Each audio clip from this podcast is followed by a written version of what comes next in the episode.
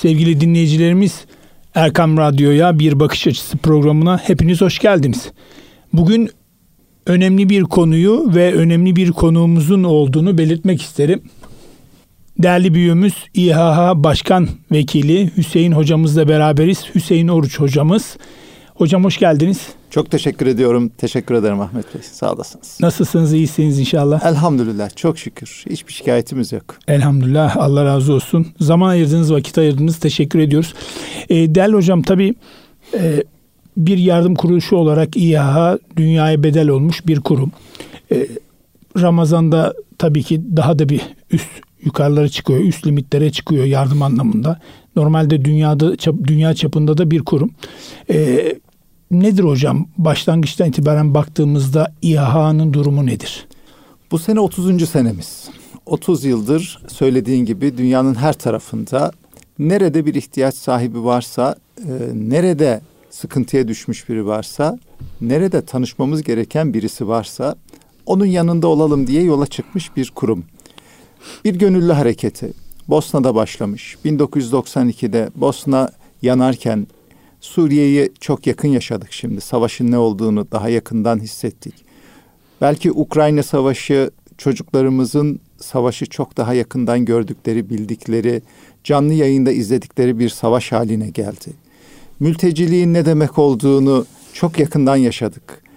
Söyleniyor işte şuradan mülteci gelmiş ama şimdi Ukrayna'dan mülteci olanlar şehirlerinden çıktıklarından gidecekleri yerlere ulaşıncaya kadar hangi zahmetlerle gidiyorlar?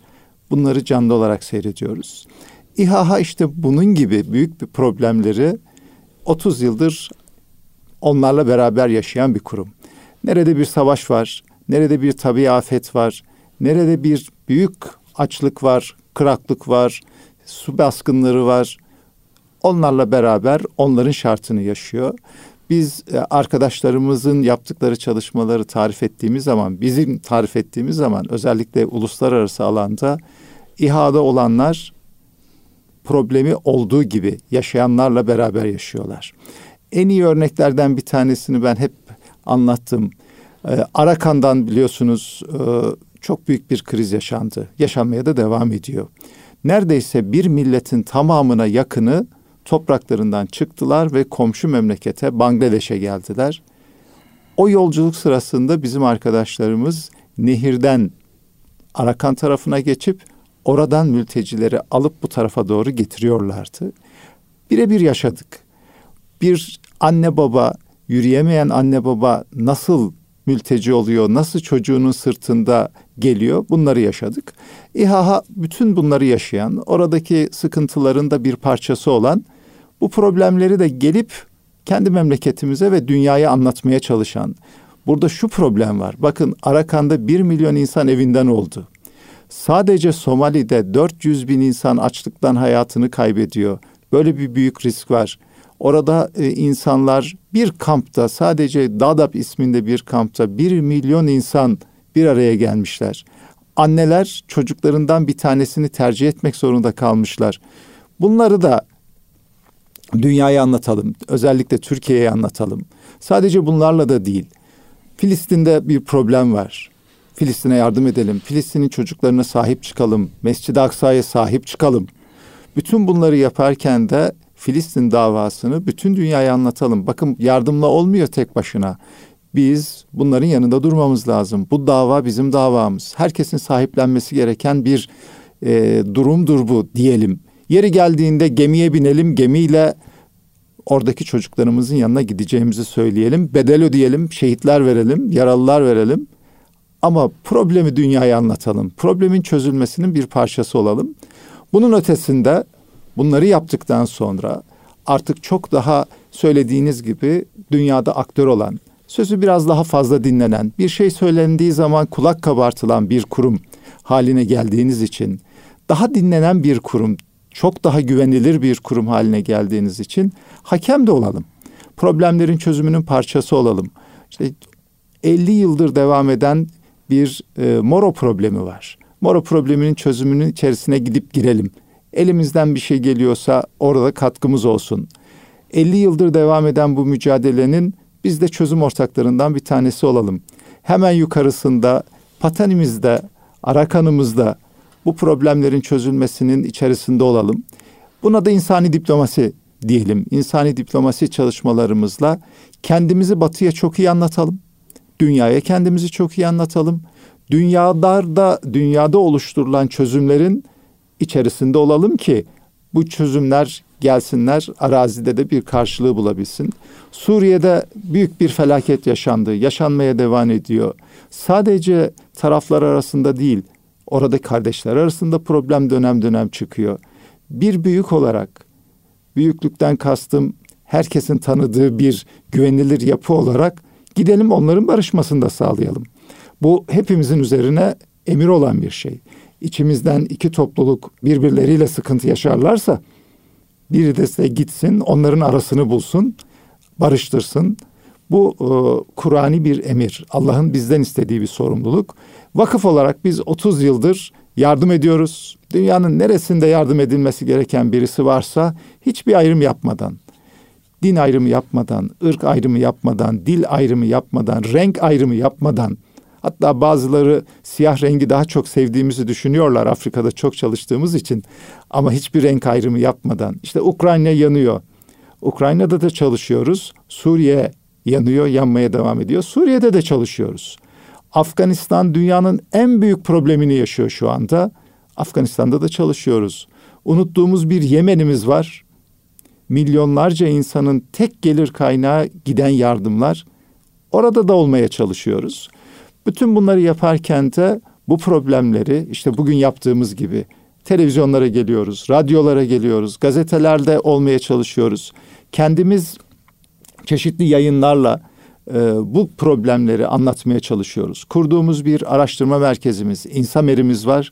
İnsamer hem mevcut krizleri hem de potansiyel krizleri çalışıyor. Belki ön alıcı çalışmalar da, raporlar da oradan hazırlanıyor. Hem halkla hem de karar vericilerle bu bilgiler paylaşılıyor ki doğru kararlar alınsın, doğru politikalar uygulansın, doğru politikalara doğru finansal destekler gelsin çözüm olsun diye bu çalışmayı çok yapıyoruz. Bir de en çok anlattığım biraz önce insani diplomasi çalışmalarıyla da yardım ettiğimiz, problemini dünyaya söylediğimiz konularda çözüm ortağı oluyoruz. Oralara gidiyoruz. Oralardaki barış süreçlerinin, e, masaların bir parçası olmaya çalışıyoruz. Diğer bölgelerde biriktirdiklerimizi onlarla paylaşmaya çalışıyoruz ki bir an önce barış gelsin. Şunu görüyoruz, başka bir çözüm yok. Bizim sorumluluğumuz var. Sorumluluk hissediyoruz. Allah'a karşı bir sorumluluğumuz var. Allah bizden bunu istiyor. Toplumlarımıza karşı sorumluluklarımız var. Ailelerimize karşı sorumluluklarımız var. Bu sorumluluklarımızı da İHA'daki kardeşleriniz bu şekliyle yerine getirmeye çalışıyor. Sınır tanımıyor. Sadece Türkiye'nin içinde çalışan bir kurum değiliz. Bu memleket bizim memleketimiz. Burayı çok seviyoruz. Türkiye'de yaşayan herkes kadar çok seviyoruz. Belki biraz daha memleketimizin değerini anlama imkanımız da var. Çünkü yokluğu çok yaşayan yerleri de görüyoruz. Afrika'daki bir ülkeyle, Bangladeş'le, Arakan kamplarıyla memleketimizi karşılaştırdığımızda biz gerçekten cennette yaşıyoruz. Buraları gördüğünüzde memleketinizi daha da çok seviyorsunuz. İçinizde içinde bulunduğunuz istikrarı daha çok önemsiyorsunuz. Devleti çok daha fazla seviyorsunuz ve önemsiyorsunuz. Devletsizliğin toplulukları nereye götüreceğine şahitlik ediyorsunuz. O zaman diyorsunuz ki bu benim ve kaybetmemem lazım. Bunu da anlatmam lazım. Bütün bunları yaşadığımız 30 yıldır e, dünyanın neredeyse tamamına yakınına gittiğimiz, bir kısmında çok uzun vadeli projeler yürüttüğümüz, e, bir kısmında selamlamayı çok önemsiyoruz. Selam verip geldiğimiz, tanıştığımız coğrafyalarda çalışmalarımız bu minvalde devam ediyor. Allah razı olsun. Çok gerçekten önemli bilgiler veriyorsunuz. Ee, ben tabii e, anlattıkça, siz anlattıkça duygusallaşıyorum da İsamer'i takip ediyorum şahsen.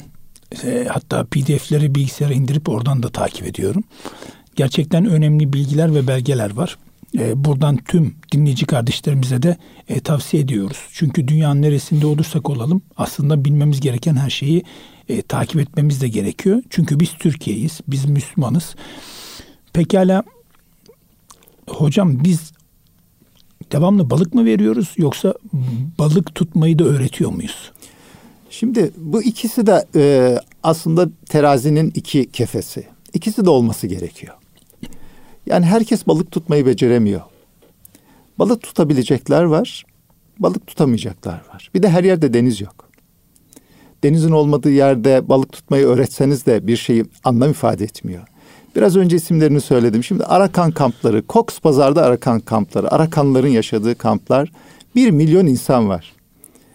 Hangi ekipmanı verirseniz verin, oradaki insanların kendi ayakları üzerinde duracakları işler yaptırmanız mümkün değil. Bir muhacir hareketi olmuş. Bir kampta on binler toplanmış. Somali'de, şimdi Ukrayna'dan çıkmışlar, Polonya'dalar, Moldova'dalar, Romanya'dalar. Bu insanlara olta da verseniz, gemi de verseniz bunları balık tutma imkanı yok. Kendi ayakları üzerinde durma imkanı yok. Önce günü kurtarmamız gerekiyor. Günü kurtaracağız. Yanlarında olacağız. Günlük yiyeceğini bulmamız lazım. Giyeceğini bulmamız lazım. Bir yerde barındırmamız lazım. Ondan sonrasında e, üzerini giydirmemiz lazım. İlacı olmamız lazım. Bunları yaptıktan sonra artık kendi ayakları üzerinde duracak çalışmalar yapmamız lazım. Bu bir bütün. Birbirinden ayırmadan bir vakıf süreç. bir süreç. Bunları birbirinden ayırmadan devam ediyor. Elbette ki balık tutmak çok değerli bir şey. Alan el olmaktan verenen olmak çok çok değerli bir şey. Bunların da çok hikayelerine Allah e, bizi şahit kıldı. İçerisinde olma imkanımız oldu. Bunları çok önemsiyoruz.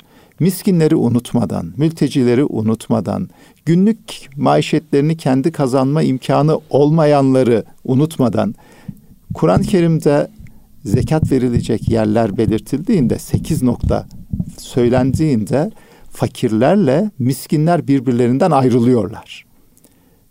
Fakirler başka, miskinler başka. Onlara ne yaparsanız yapın kendilerinin ayakları üzerinde durma imkanları yok. Onların yemeklerinin masaya konulması lazım. Bu hepimizin sorumluluğu olan bir şey. Zekatlarımızla, sadakalarımızla, komşusuyla kim olacaksa onu ayakta tutacak. Ama bazılarımız da var gerçekten hayata tutunabilecek, kendi geçimini sağlayabilecek, onurlu bir şekilde yaşayabilecek. İstemek çok zor. El açmak çok zor. İnsan fıtratına çok e, uygun olan kısmı da yoktur. Bilhassa ülkesinde belki de nüfus sahibi olan bir kişi Evet. bir gecede tam tersi de olabiliyor. Mümkün oluyor. Yani ama bunun da yapma kapasitesi var. Bir şeyler becerebilir. Ufak bir tezgahını kursanız çok iyi bir şekilde becerir. Neydi e, Efendimizle beraber muhacir olarak gelen Ensar'ın yanına yerleşen sahabe efendilerimizin ilk söylediği şey yerleştikten bir dönem sonra. Önce yerleştirildiler. Yemekleri paylaşıldı, bütün imkanları paylaşıldı. Sonra da ne dediler? Pazarın yolu neresi? Gittiler pazarda hayatlarını kazanmaya başladılar. Şimdi biz de benzer bir yolu izliyoruz. Önce günü kurtarıyoruz. Sonra ayakta durabilecek olanlar, kendi imkanlarıyla hayatlarını sürdürebilecek olanlara da söylediğiniz gibi balık tutmayı öğretecek çalışmalar yapıyoruz. Özellikle bu sene bu konuda çok daha yoğun projelerin devam ettiği bir sene. Ee, öncelikli bir grubumuz var. Yetimler ve yetim aileleri. Aileleri bedel ödemiş. Toplulukları için, dinleri için, çocukları için, malları için e, hayatlarını vermiş olan isimler, geriye bıraktıkları dul hanımlar ve yetim çocuklar. Bunları ayakta tutacak şeyler çok değerli. Çok yakın zamanda Moro'daydım. Moro'daki barış sürecinde İHA'nın bir sorumluluğu var. O sorumluluk dahilinde ben de e, sık aralıklarla Moro'ya seyahat ediyorum. E, Allah'a çok şükür 50 yıldır devam eden bir savaş orada artık e, siyasi bir çözüme e, evrildi. 50 yıl mücadelesini ormanda yürüten Hacı Murat İbrahim ve arkadaşları şimdi başbakan ve bakanlar oldular bölgede. E, biz de bunun şahitliğini yapıyoruz. Elimizden geldiğince de katkı vermeye sağlıyoruz. E, o taraf devam ediyor Moro'da ama aynı zamanda yardım çalışmalarımız da devam ediyor. Çok güzel yetimhanelerimiz var. Çok güzel çocuklar yetişiyor inşallah. Moro'nun geleceğine İnşallah. çok güzel katkıları olacak. Hep bunun duasını ediyoruz ve büyüyorlar inşallah. e, Türkiye'ye getirip mezun ettiğimiz çocuklar şimdi kurulan özel hükümetin içerisinde sorumluluklar almaya başladılar. Bu bizi çok mutlu ediyor. Onlar da ayaklar üzerinde durmaya başladı. E, bu son ziyaretimde söylediğiniz insanların kendi imkanlarıyla geçimlerini sağlayacakları projelerden ziyaretler yapalım istedik. Bir yetim ailesine gittik. Ee, şehrin dışında küçücük bir mahallede e, bizim stüdyodan daha küçük bir evde yaşıyor. Yedi tane yetimiyle birlikte. Eşi vefat etmiş, yedi çocuğu kalmış. Çok yakın zamanda çocuklardan bir tanesi de vefat etmiş. Çocuklarından iki tanesi bizim yetimhanemizde kalıyorlar düzenli bir eğitim alıyorlar. Diğerleri yanında. Biz de küçük bir bakkal dükkanı oluşturmuşuz. Kendi mahallesinin içerisinde evinin hemen yanında küçücük bir kulübe inşa etmişiz. Bir sermayesini vermişiz. Oraya bir bakkal dükkanı açılmış. Yanına da küçük bir e, gene buradan daha küçük evinden daha küçük bir tezgah konulmuş. Kumaş dokuyor. Daha önce ziyaret ettiğimizde e, böyle bıkkın bir hali olurdu her seferinde. Bir sefer daha ziyaret etmiştim. Şimdi gittiğimizde başı dik, mutlu, gülümsüyor. Ee, bizi karşıladı. İşler oldukça iyi dedi. Kazanıyorum. Artık kimseden bir şey istemiyorum. Tezgahta hem ben çalışıyorum, kumaş dokuyorum. Hem çocuklar e, büyük olan iki tanesi onlar çalışıyorlar. Kumaşları e, burada başka bir kardeşimiz var. O elbise haline getiriyor. Öyle olursa daha fazla para kazanma imkanımız olur. Kumaş olarak satarsak daha az kazanıyoruz. Ama artık mahallenin o yokluk içerisindeki mahallenin zenginlerinden bir tanesi haline gelmiş.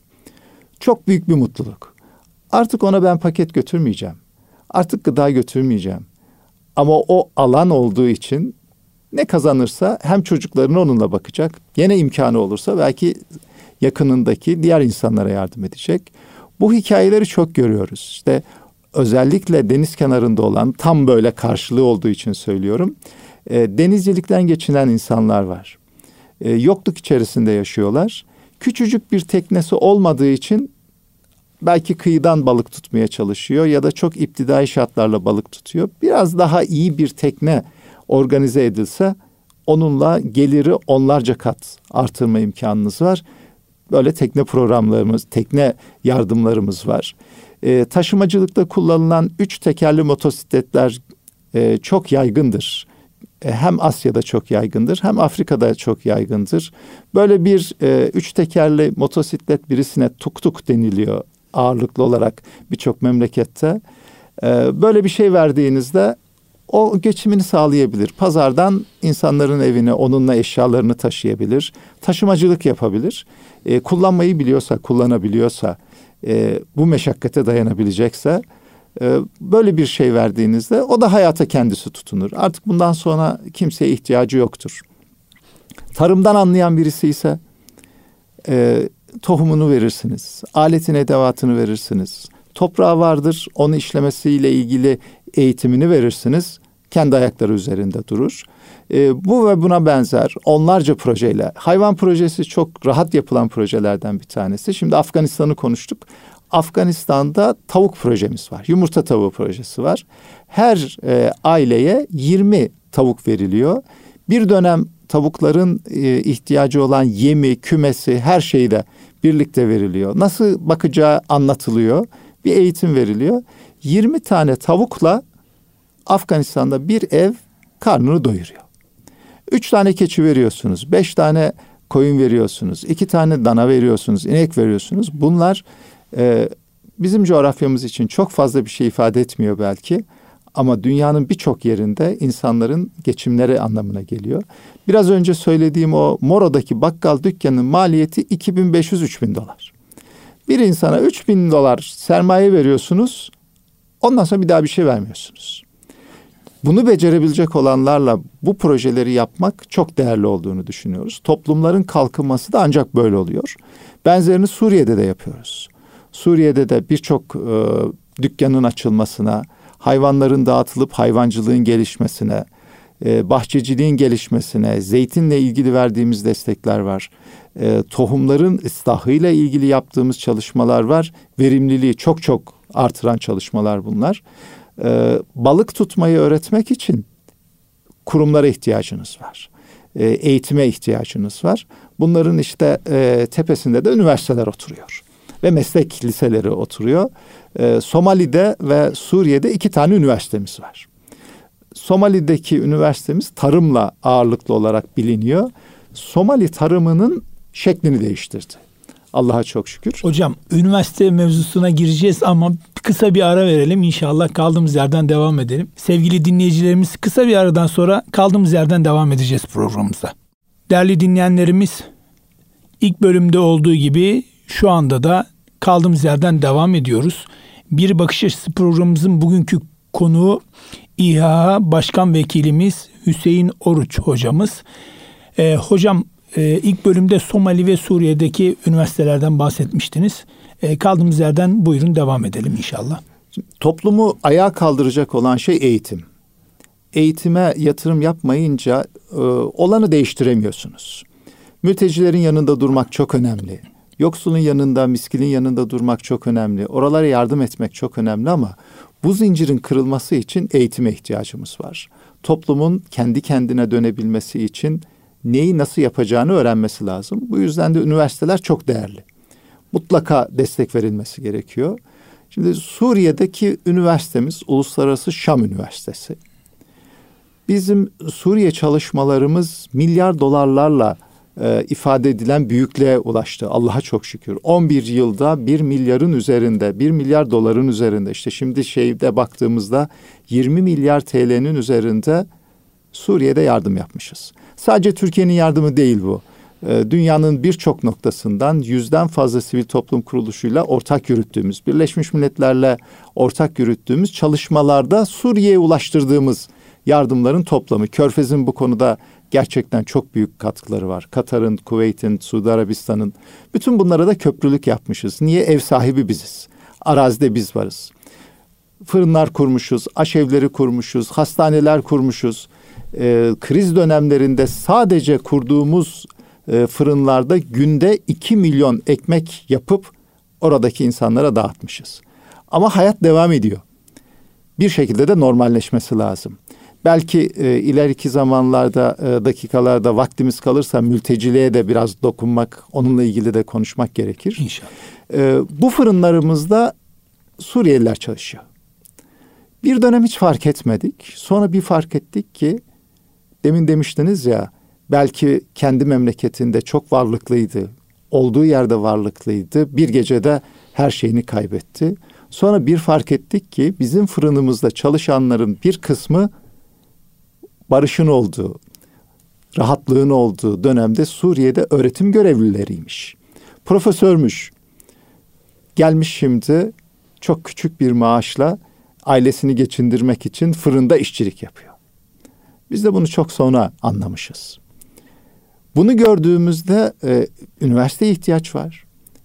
Buraya 8 milyon insan Türkiye'nin kontrolündeki bölgelerde yaşar hale gelmiş. E, bir tane üniversite yok. Geçmişten kalmış bir İdlib Üniversitesi var. Başka bir üniversite yok. Peki bu toplumu kim ayakta tutacak? E, yetişmesi lazım çocuklarımızın. E, zor şartlarda üniversite çalışması başladı. Gidip bir e, zenginle konuştuğunuzda insanları evin içine sokacağız.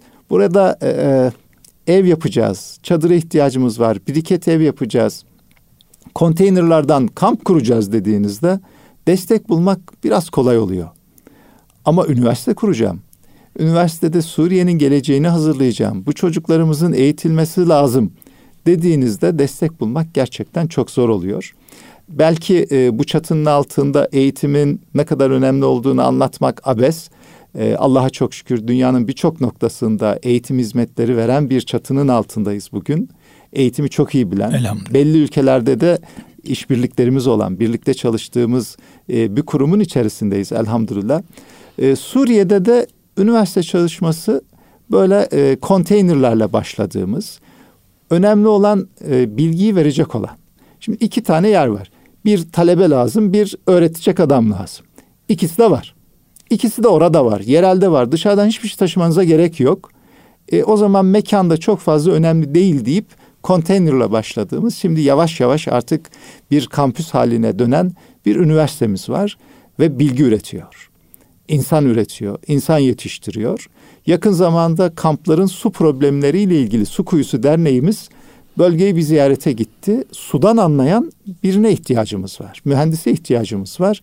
İşte acaba bulabilir miyiz diye arkadaşlar dolaştığında işte e, bizim aslında eğitimdeki e, zayıflığımızı da gösteren şeylerden birisi. Meğer bizim üniversitemizin bir departmanı var böyle. Kendi üniversitemiz içerisinde bir departman var ve bizim mezun ettiğimiz çocuklar Suriye'de çalışan uluslararası kurumlarda görevler almışlar. Suyu da en iyi bilenler bizim çocuklarımız. Biz yetiştirmişiz. Şimdi üniversiteden mezun ettiğimiz çocuklarla kampların su problemini hem temiz su hem kirli su problemlerini e, çözümüyle ilgili projeler üretiyoruz. Önce bilgiyi üretmişiz, şimdi de projeyi üretiyoruz. Bu çalışmalar e, gerçekten çok önemli. Yakın zamanda Suriye'deydim. Ramazan'ın hemen başında. Ramazan'ı orada karşılamak nasip oldu. 2000 öğrenci olmuş. E, bu sene ikinci mezunlarımızı vereceğiz. Geçen sene mezun olan çocuklarımızın bir kısmı Türkiye'de yüksek lisansa geldiler. 40'a yakın çocuğumuz Türkiye'de şimdi yüksek lisans yapıyor artık Türkiye'nin de akredite ettiği, kabul ettiği bir üniversite haline geldi. Milyarları harcıyorsunuz, gıda oluyorsunuz, ilaç oluyorsunuz, yemek oluyorsunuz ama gidip gördüğünüzde de şunu biliyorsunuz. Geleceğe bıraktığınız en önemli mirasınız da bu üniversite. İnşallah yetiştirdiğimiz gençler Suriye'ye bıraktığımız en önemli çalışma olacak. Ee, insanların kendi ayakları üzerinde durmasını sağlayacak altyapı da orada kurulacak. Somali çok daha e, eskisinde yapıldı. 2013'te başladı. Tarım kültürünün yok olduğu bir coğrafyaydı Somali. 91'de bir iç savaş yaşadılar. 91 iç savaşıyla her şeylerini kaybettiler. Savaş girdi miydi? Ee, Kur'an'da Belkıs tarif ediyor ya. Büyükler geldiği zaman, büyük güçler geldikleri zaman acımazlar her şeyi yakarlar, yıkarlar. İyi olan sulhtür. Onu tercih etmek lazım diyor. Komutanlarını da dinlemiyor. Ee, işte Hazreti Süleyman'ın yanına geliyor. Bizim son saniyeye kadar sulhu aramamız lazım. Eğer güçler girerse tarumar ediyorlar. Suriye'yi tarumar ettiler. Keşke başlatmayasaydık. Keşke Belkıs gibi davranabilseydi oranın yöneticileri. Keşke Ukrayna böyle olmasaydı. Keşke bunları yaşamasaydık. Bu keşkeyi bana e, Somali'de Somali e, Meclis Başkanı söylemişti. Dedi keşke 91'i yaşamasaydık. Keşke biz de Türkiye'deki Müslümanlar gibi 23'teki mücadelenin sonrasında değiştiğini düşündüğünüz Türkiye'ye müdahale edilmemesine çok kızıyorduk. Ama 91'i yaşadığımızda iyi ki de müdahale edilmemiş.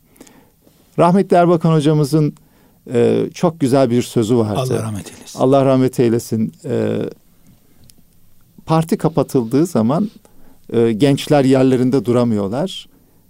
Onlara demişti ki herkese, hepimize bunlar tarihte milletlerin hayatında noktadan ibarettir.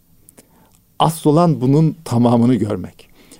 Şimdi e, Türkiye'deki Müslümanlar bunun tamamını görme becerisi Allah nasip etmiş, olmuş. Ama Somali bunun nokta olduğunu fark etmemiş. 91'de bir iç savaş başlatmış. Ülke tarımar olmuş. Tarım kalmamış. Tarım yapılıyor. Gittik tarım yapılıyor ama çok iptidai şartlarda. İki sene Ahmet Bey oradaki arkadaşları tarımın böyle yapılmaması gerektiğini, doğru yapılırsa çok daha fazla verim olacağını, bunun eğitiminin yapılması gerektiğini anlatmaya çalıştık. Bir tarım okulu kurduk. İki sene bu tarım okulunda köylüleri getirdik. Burada yetiştirdik. Evlerine giderken, köylerine giderken de basit tarım aletlerini verdik. Gidin bu şekilde yapın. Tohumunu verdik. Sulama şeyini verdik. Çok ilginç. O yıllar Somali'de açlıktan insanların öldüğü yıllar. Sadece göç yolunda Somali'den Kenya'ya giderken 40 bin insanın öldüğü söyleniyor. Çok fazla. Bu, bu, bu, bunlar e, istatistik olarak kalıyor. Hiçbir zaman ne olduğunu bilmeyeceğiz. Bir de istatistik yani gerçek de Ge- değil. Gerçek değil. Belki yani daha be- fazla. be- benim orada yaşadığım biraz önce söylediğim çocuklarından birisini tercih etme. O göç yolunda e, çölün içerisinde suyu yetmeyeceği için çocuklarından bir tanesini bırakıp öbürünü alıp yaşatmak için Dadab'a giden muhacirlerle biz karşılaştık. Böyle bir coğrafyada burada e, Türkiye'deki ziraat mühendisleriyle yaptığımız toplantılarda dediler ki Somali'yi de inceliyorlar tabii biliyorlar. Sadece e, açılmış keson bir kuyudan çıkartacakları iki kova suyla 500 metrekare toprağı işleyese bir insan ürettiği sebze onun hayatta kalması için yeter. Şimdi 500 metre toprak işlerseniz hayatınızı devam ettireceksiniz. Ama bunu biraz bilimsel, doğru yollarla yaparsanız olacak. Şimdi su yok diyoruz ama bir avuç su bitkinin yetişmesi için e, yetiyor. Zamanında verilirse, damla damla verilirse onu e, büyütebiliyorsunuz. İşte bunu öğretelim diye gidildi. 500 metre toprakla iki sene e, orada birlikte çalıştığımız, e, üniversite çalışması yapmış daha önce arkadaşlar bile buna inanmadılar. Ya biz biliyoruz zaten Somali bir tarım, gerçekten bir tarım ülkesi. Somali sadece Somali'yi değil, bütün Afrika'yı besleyecek bir e, tarım imkanına sahip. En az üç ürün alıyorsunuz. Bazı bölgelerde dördüncü ürünü, dördüncü ürünü bile alıyorsunuz. E, bitkilerin yetişme hızı Türkiye'den yüzde kırk daha fazla. Yani sebze ekiyorsunuz. Türkiye'de domates tohumdan e, ürüne 90 günde geliyor. Orada 60 günde geliyor. Bu kadar verimli. Bu kadar verimli. Suyu ve tekniği yaparsanız işte o tarım okulunda ilk bahçe yetişti. İlk domatesler geldi. ilk e, sebzeleri alıyorlar. Onları görünce insan gördüğüyle ancak e, kalbi mutmain oluyor. Oradakiler dediler ki evet. Üç buçuk kilo domates alıyordu oranın e, yetiştirdikleri. Kocaman adam boyu bir domates ağacı oluyor. Ağaç oluyordu domates. Üç buçuk kilo alıyor. Bu yöntemle daha küçük bir fideden 10 kilo ürün aldığını görünce daha az zahmet üç kat daha büyük gelir. Yani hayatına kadar değiştiriyor. Ee, Somali'deki tarım okulu Somali'nin hayatını değiştirdi. Yeniden Somali'ye e, bir tarım bakış açısı geldi. Şimdi e, tarımda yeniden merkez haline geliyor. Bunu e, 90 öncesinde İtalyanlar bir kere yapmışlar aslında.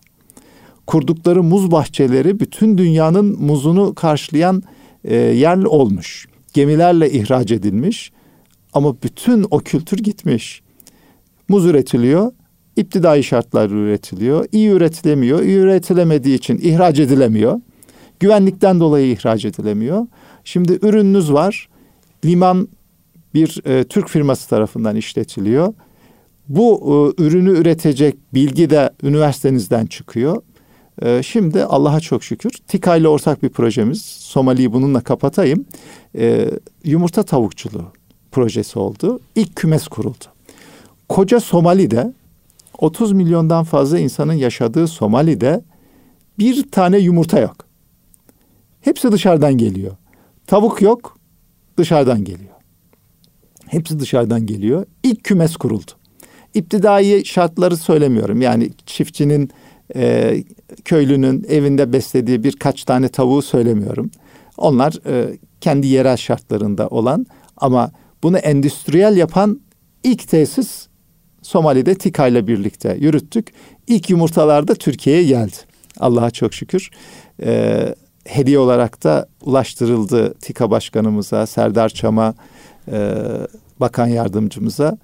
E, bunlar e, çok değerli ve balık tutma dediğimiz insanların kendi ayakları üzerinde durmasını sağlayacak önemli projeler olarak hayata geçiyor İHA'da.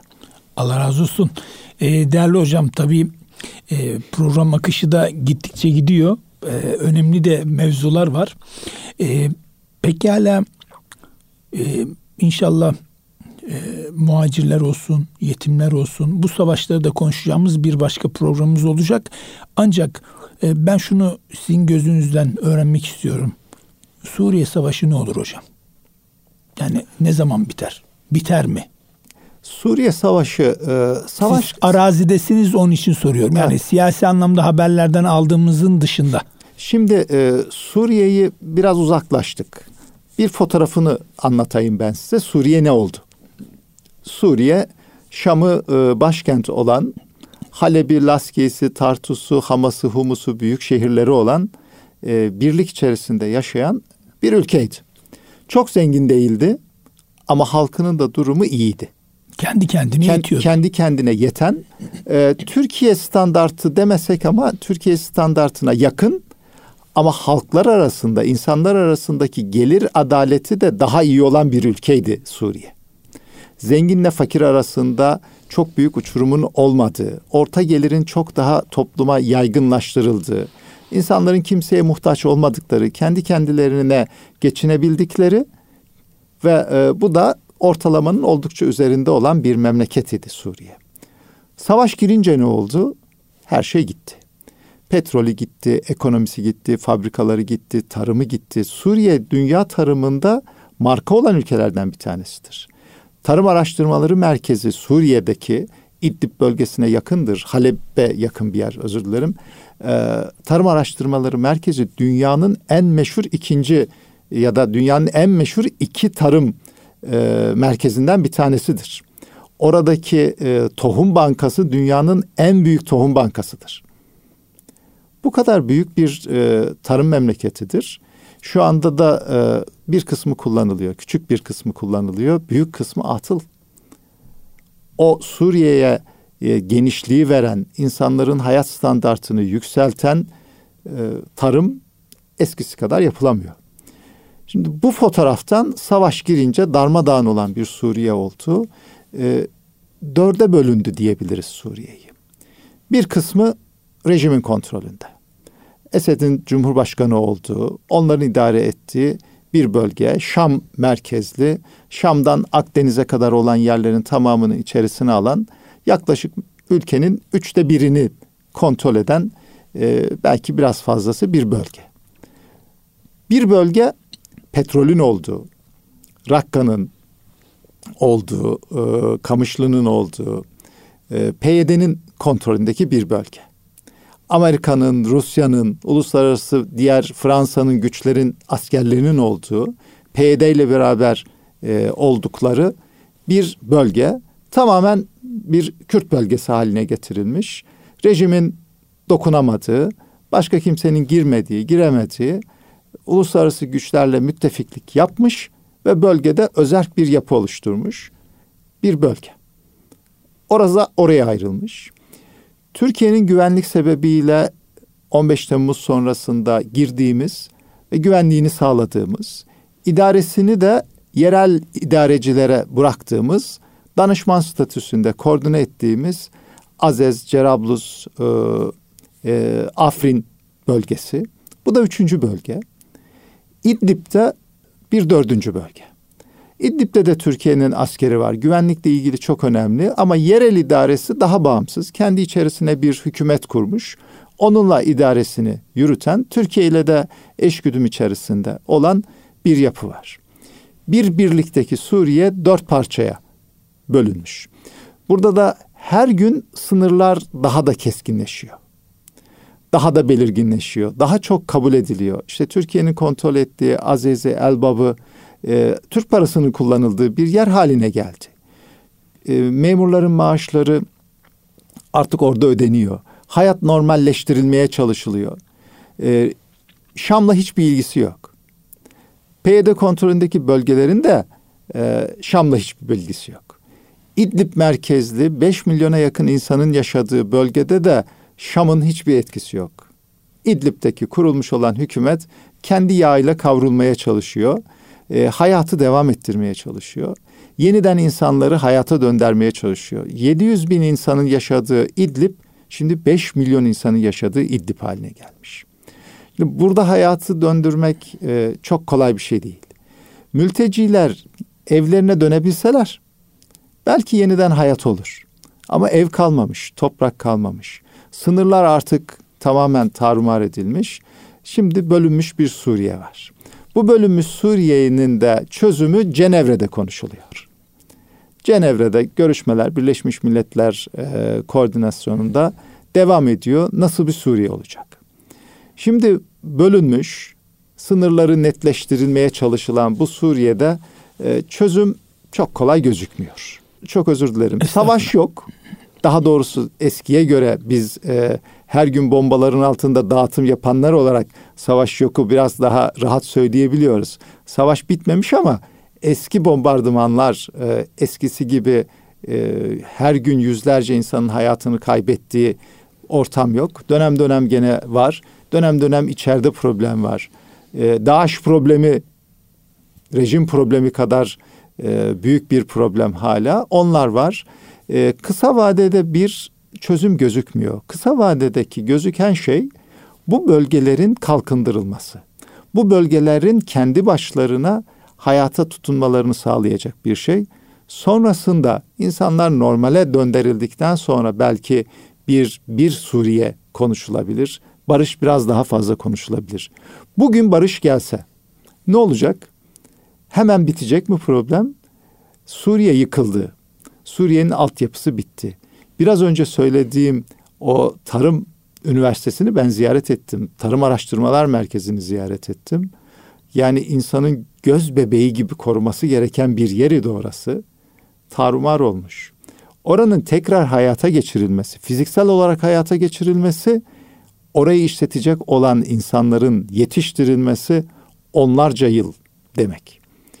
Onun için Suriye'de bugün kalksak desek ki barış geldi, en az 30 yıl kalkınması, ihya kalkınması ve, ve insanların hayata dönmesi için zamana ihtiyacımız var. Ee, süremiz bitiyor. Son soru olarak hocam. Ee, bu süreç içerisinde bizim misafir ettiğimiz ve son dönemlerde de has safhaya ulaşmış olan bazı söylemler var. Böyle baktığımızda kendi vatanlarına dönmek isteseler hali hazırda o zaman amşamlı bir ortam yok. Değil mi? Evet. İnşallah hayırlara vesile olur. Ee, buyurunuz. Ee, vatan neresi? Daha önce doğduğunuz, doyduğunuz, çalıştığınız, yaşadığınız yer zaten. Öyle değil mi? Özgürlüğün olduğu. Özgür, özgürlüğün olduğu yer.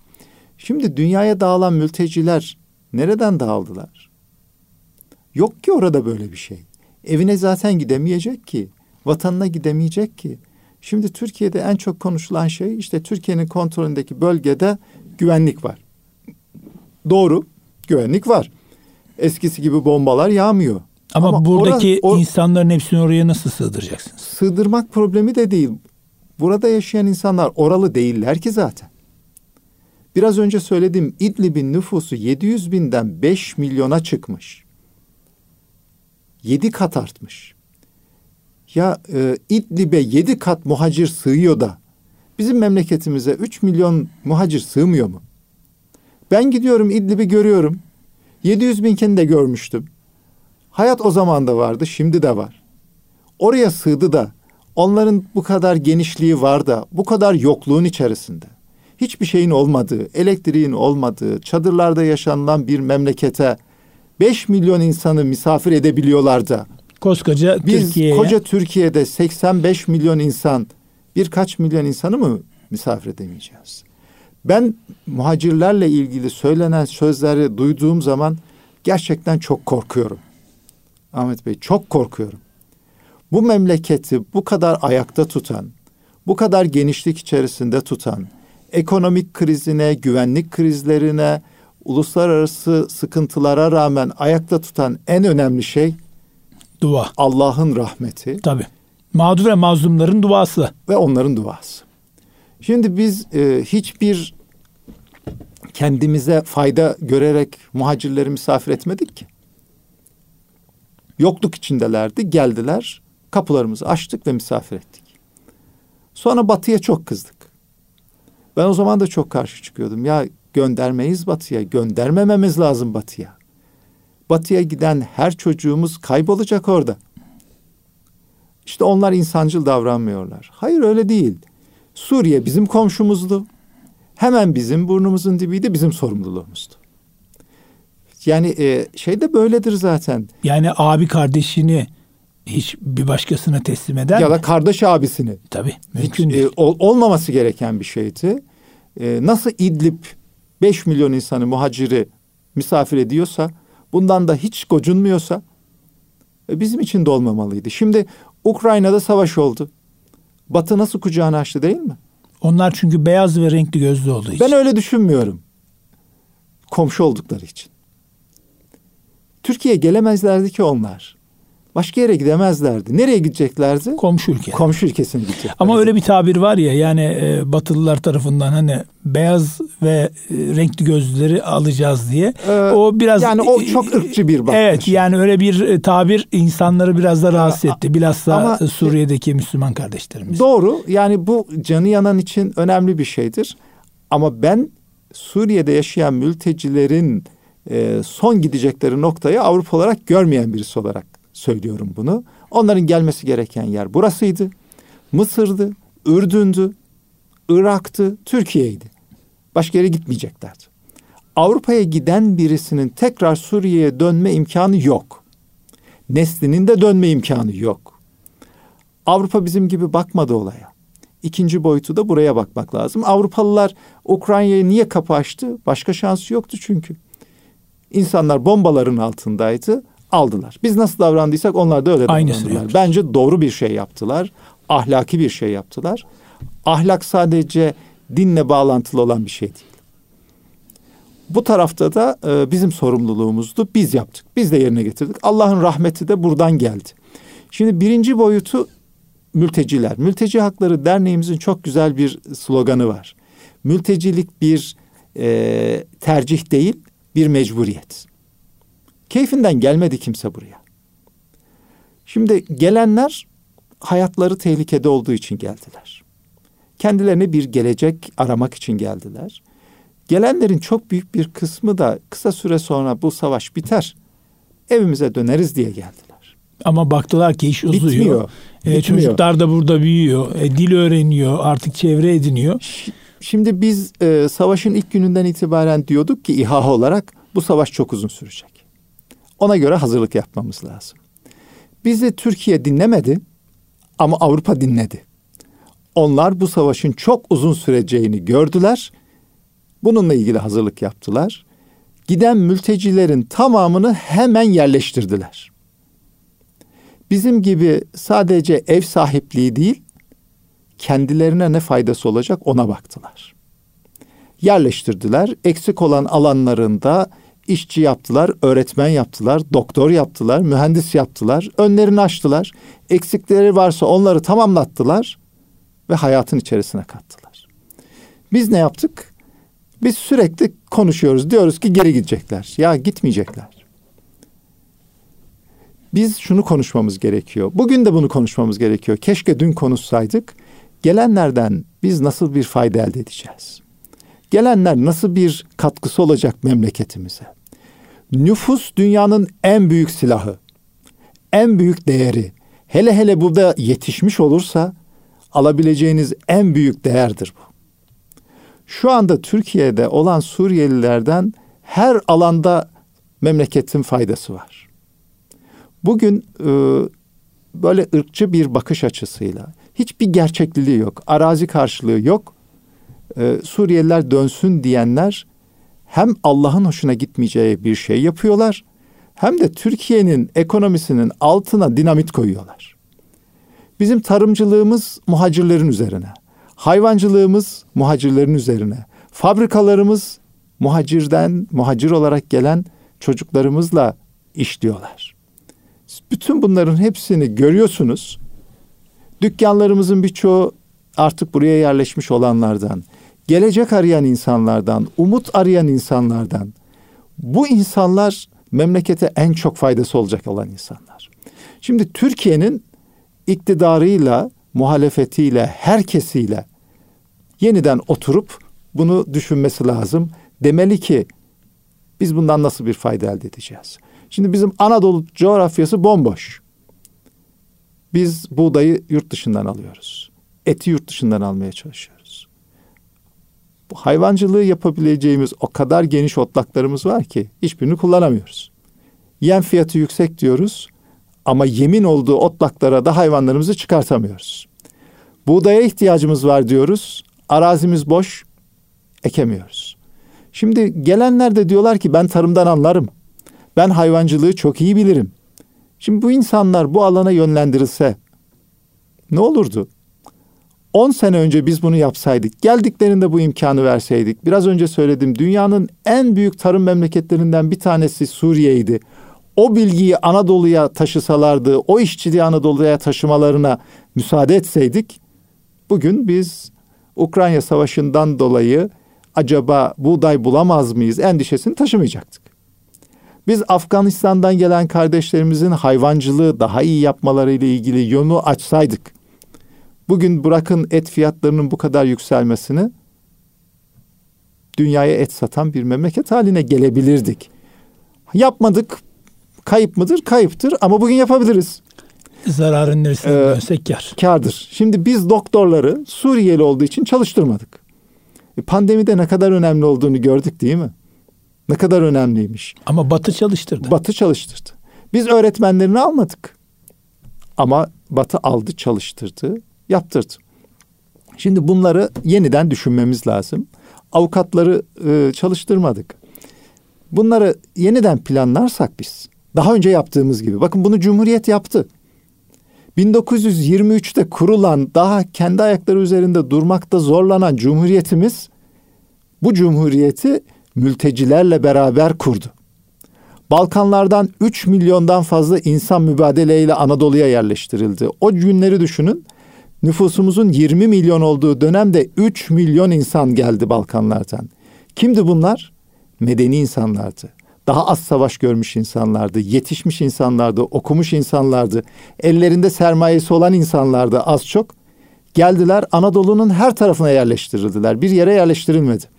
Hepsinin de yapabileceği yerde önlerine alan açıldı, toprak verildi, yer verildi. Şimdi Türkiye'nin kurulmasında onlar çok önemli nokta oldular. Şimdi Cumhuriyet'in yaptığını, Cumhuriyet'in ilk yıllarının yaptığını bu kadar gelişmiş olan Türkiye Cumhuriyeti niye yapamasın ki bir kere daha? Şimdi bunu unutup, kimlikleri unutup, biz unutmadık mı hep demiyor muyuz? Kürt, Türk, Arnavut, Boşnak hepimiz biriz. Ya Suriyeli de bir tane eklense ne olurdu? Irak'ta da eklense ne olurdu? Onlar da Arap, bizde de zaten çok masaya yaşayan Arap ta- var. Masaya bir tabak konacak. Bir, bir tabakta. A, bu masa da çok büyük bir masa. Yani dört kişinin yaşadığı bir masaya bir tabak konulmuyor. 80 milyon insanın yaşadığı masaya 3 tane tabak konuluyor. Yani Türkiye Türkiye'den büyüktür derler ya işte evet. bu. Ee, şimdi planlamamızı bunun üzerine eğer kurabilirsek biz bu ekonomik darboğazı da böyle geçeriz. Allah'ın rahmetini de üzerimize yeniden çekmeyi başarmış oluruz. Bütün kapılarımız Allah'ın izniyle açılır diye umut ediyoruz. İnşallah e, değerli hocam Allah razı olsun zaman ayırdınız, vakit ayırdınız. Çok önemli gerçekten bilgiler ve e, konulara değin, değindiniz. E, çok teşekkür ediyoruz. İnşallah önümüzdeki hafta tekrar e, birlikte olacağız. E, değerli dinleyicilerimiz İHH Başkan Vekilimiz Hüseyin Oruç hocamızla e, dünyayı konuştuk. Önümüzdeki hafta aynı gün ve saatte tekrar görüşmek ümidi ve duasıyla Allah'a emanet olunuz.